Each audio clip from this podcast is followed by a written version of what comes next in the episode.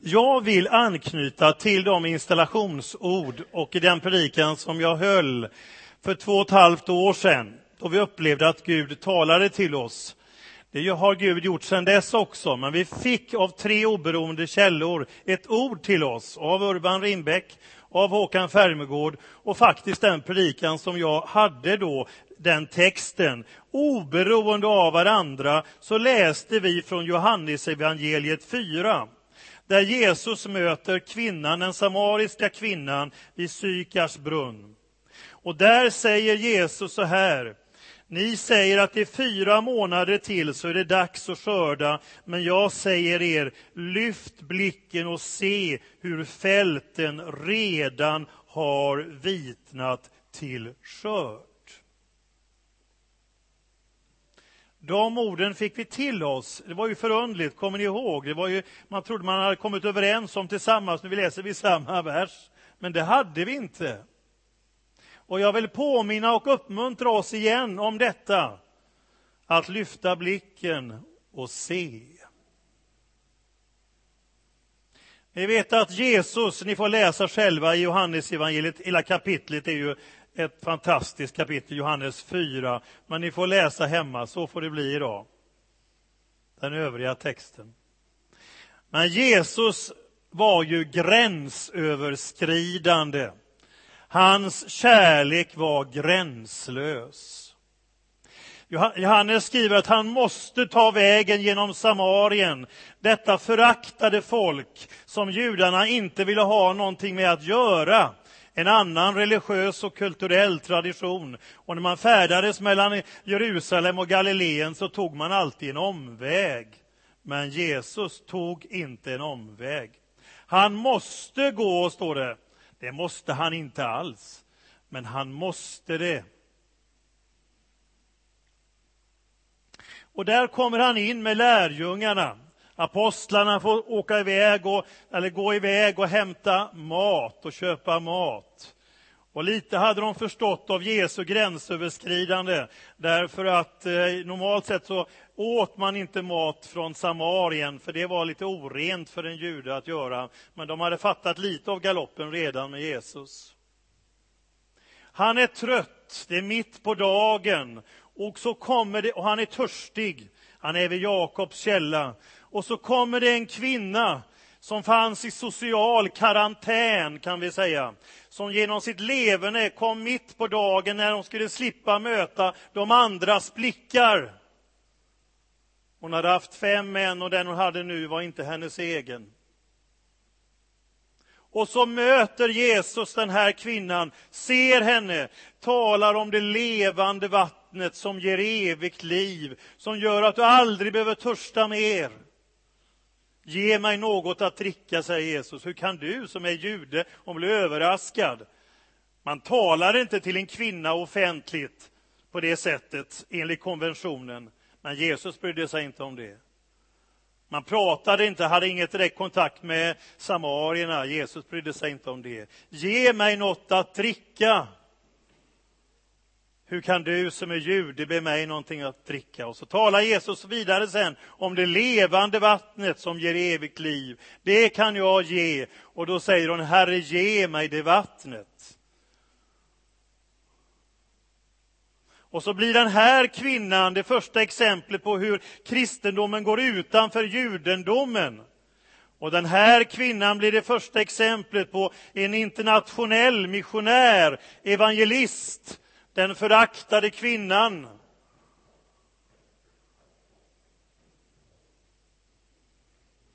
Och kan ni tänka er, för denna kvinna avslöjar Jesus för första gången på ett väldigt tydligt sätt vem han är.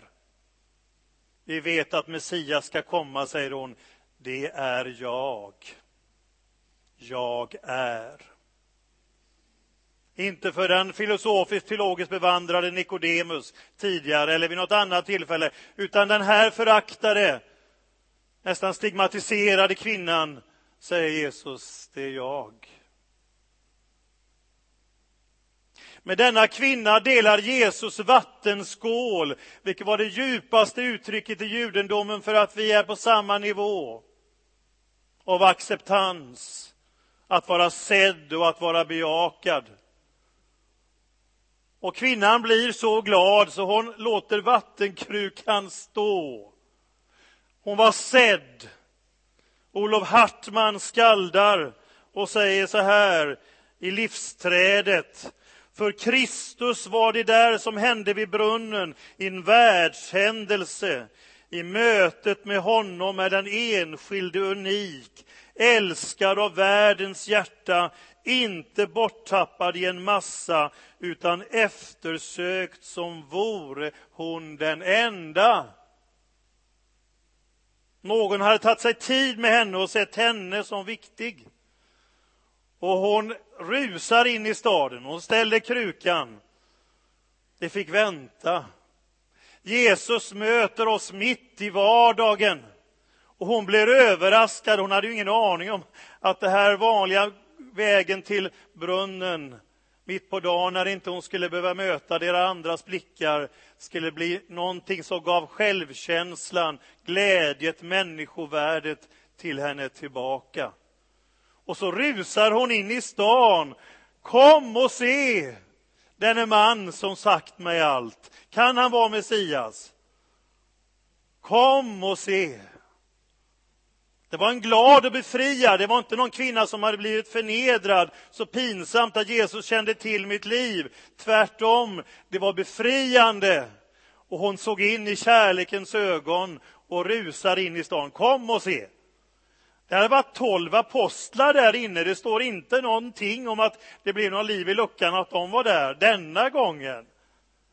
De blev använda sedan av Gud och av Jesus naturligtvis. Men den här gången var det inte tolv apostlar som var redskapet, utan en föraktad kvinna från en föraktad folkgrupp kommer in i Samarien och vad står det? Hela stan kom i rörelse och de kommer ut för att kolla, kan det här vara sant? Kan han vara Messias? Och så kommer lärjungarna med maten och Jesus säger att jag, jag har en annan mat som är ännu viktigare och de fattar ingenting. Och de blir förvånade när han talade med en kvinna. Och det, var, det var inte lätt att hänga med i svängarna ibland med Jesus. Det var inte underbart, de blev förvånade. För han var gränsöverskridande och överraskande. Och så säger han, jag har ett djupare längtan i mitt liv, att min mat är att få göra Guds vilja. Och så säger han till lärjungarna när folket strömmar ut ur stan. Ni säger fyra månader till så är det dags att skörda. Och det var den uppmuntran som man bönderna gav varandra. Man, man sådde i slutet från oktober till början av december. Och så uppmuntrade man varandra och sa om fyra månader är det skörd. Kom igen nu, nu jobbar vi på här. Vi sår ut, för det kommer en skörd och den kommer om fyra månader. Nej, säger Jesus, lyft blicken och se hur fälten redan har vitnat till skörd. Han såg skörden som kom direkt. Och så säger han, den som skördar får sin lön, han bärgar grödan till ett evigt liv, så att den som sått och den som skördar kan glädja sig tillsammans. Och så använder han ett ordspråk som man använde negativt på den tiden om livets orättvisor, men han vänder på det och gör det positivt. Han, han säger, här gäller ju ordet att en sår och en annan skördar. Alltså det var ju lite synd att någon så, och fick inte vi vara med där och livets orättvisa. Men Jesus säger tvärtom. Det är ett samarbete för Guds rike. Det är när vi arbetar tillsammans för Guds rike som vi får med och bärga en skörd. Ingen kan ta åt sig ära. Någon har sått och någon får skörda. Andra har arbetat och ni får lönen för dess möda. Det är tillsammans. Och han såg skörden kom direkt. Jesus hade sått ut och det var dags att skörda. Och så står det att många samarier från staden kom till tro på Jesus genom kvinnans ord när hon försäkrade, han har sagt mig allt som jag har gjort. Och så ber samarien honom att stanna hos dem där i två dagar. Och många fler kom till tro genom Jesu egna ord och de sa till kvinnan, nu är det inte längre vad du har sagt som får oss att tro. Vi har själva hört honom och vet att han verkligen är världens frälsare. När Jesus talar om den stora skörden så var det inte i det religiösa Jerusalem, utan i det föraktade Sykar. När Jesus ger sin vision om skörden så sker det där. Och det är där i det föraktade Samarien i Sykar som man kommer fram till att han verkligen är världens frälsare. Inte bara för vissa utvalda utan för världens frälsare. Och det här föraktade folket kommer man ur huset och kommer till tro. Först genom att någon berättar om Jesus. Kom och se. Och det är vårt uppdrag. Kom och se. Kom och smaka att Gud är god. Märkvärdigare än så är det inte, mina vänner. Att få säga kom och se. Kom och se, kom och smaka. Jag är övertygad om, om vi bara med Guds nåd, hur det ska gå till, men om vi fick tydliggöra det för Mölndalsborna, så skulle vi kunna ha hur många gudstjänster som helst, kan vi inte ha på en söndag, men vi skulle kunna få ha flera. Kanske få bygga om. Kanske att vi fick fem, sex tusen medlemmar. Om bara människor får se hur underbar Jesus är och att man faktiskt får vara lov att komma hit. Ibland tror ju folk att det bara är för medlemmar. Det är ju inte alls så. Alla är ju välkomna hit. Eller hur?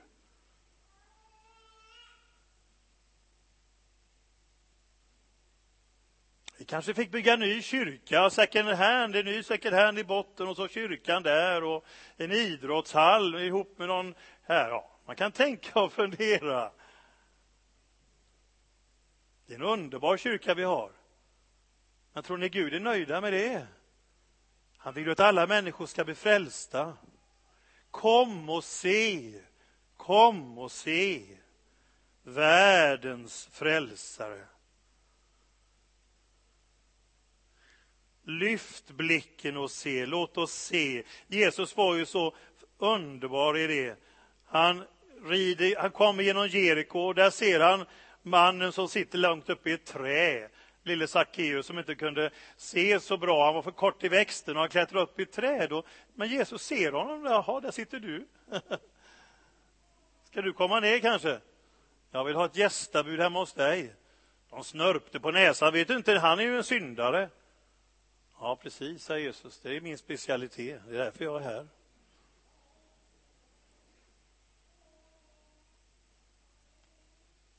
Och så kommer han till tro och han delar med sig av till de fattiga och det, det är fantastiskt. Han ser rövaren på korset som håller på att dö. I de skälvande ögonblicken kan han säga de fantastiska orden idag ska du vara med mig i paradiset. Och han ser den föraktade kvinnan och hon går glad och befriad. O, oh, om Mölndalsborna fick se vem Jesus är. Det finns så många här runt i vår stad, alla människor skapade Gud, älskade av Gud. De kanske inte har religiösa attityder eller andra religiösa traditioner, men Jesus var ständigt gränsöverskridande. Han lät inga konventioner eller traditioner som stod i vägen, det finns ju bra traditioner, men traditioner som stod i vägen för Guds rike, eller kulturella eller vad det var, han steg alltid över dem han såg människan. Och jag vill bara till sist uppmuntra oss nu när vi under våren gör ett experiment, får vi kalla det för, i våra gudstjänster där vi har alfakurs. Kom och se, säg så till grannar, arbetskamrater. Kom along, kom och se. Nu kommer vi ha lite annorlunda gudstjänster, vi kommer ha alfa-tema. Lite slimmade gudstjänster om man säger så och föredrag och sen blir det kyrksoppa och sedan så har vi samtalsgrupper för alla som vill där vi samtalar om dagens ämne. Vi har haft en fantastisk resa tycker jag i Alfa. Jag har tjatat om det, men eller hur? Det har varit en underbar höst. Och vi vill erbjuda möjligheten till hela församlingen att vara med från första februari här in till början på maj. Och det är ett toppentillfälle att bjuda med. Man måste ju inte komma varje söndag grannarna, men kom och se denne man. Ska vi be om det? Ska vi uppmuntra varandra? Om fyra månader kommer skörden och Jesus säger hans vision, Jesu vision för Mölndals pingstförsamling, för Guds folk i vår stad, för de olika arbetena i sjukhuskyrka, i RIA, i eh, second hand, det är det vi finns med i, säger Jesus. Lyft blicken och se att fälten har vitnat till skörd. Amen.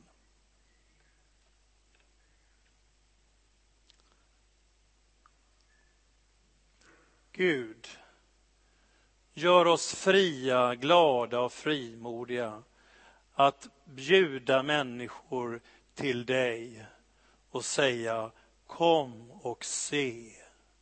Vi ber om att få vara en växande församling, en öppen församling där du, Jesus, är i centrum och vi gör allt för att människor ska hitta fram till dig. Du är ju inte långt borta från någon enda av oss. Det är ju dig som vi lever, rör oss och är till. Amen.